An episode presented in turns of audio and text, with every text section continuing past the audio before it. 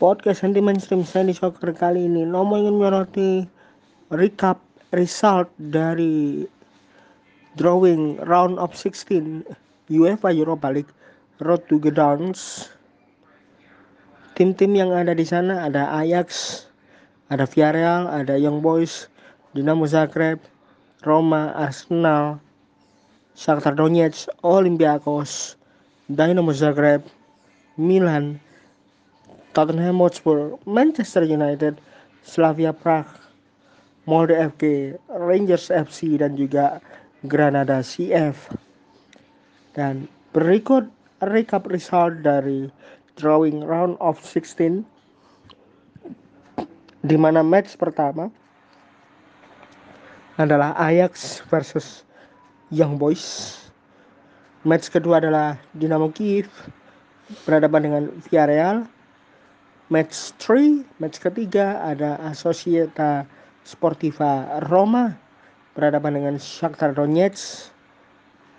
Match 4 Olympiakos Piraeus berhadapan dengan Arsenal FC match berikutnya ada GNK Dynamo atau Dynamo Zagreb berhadapan dengan Tottenham Hotspur. Match berikutnya Manchester United versus AC Milan ada Slavia Prague versus Rangers dan juga Granada berhadapan dengan Molde FK.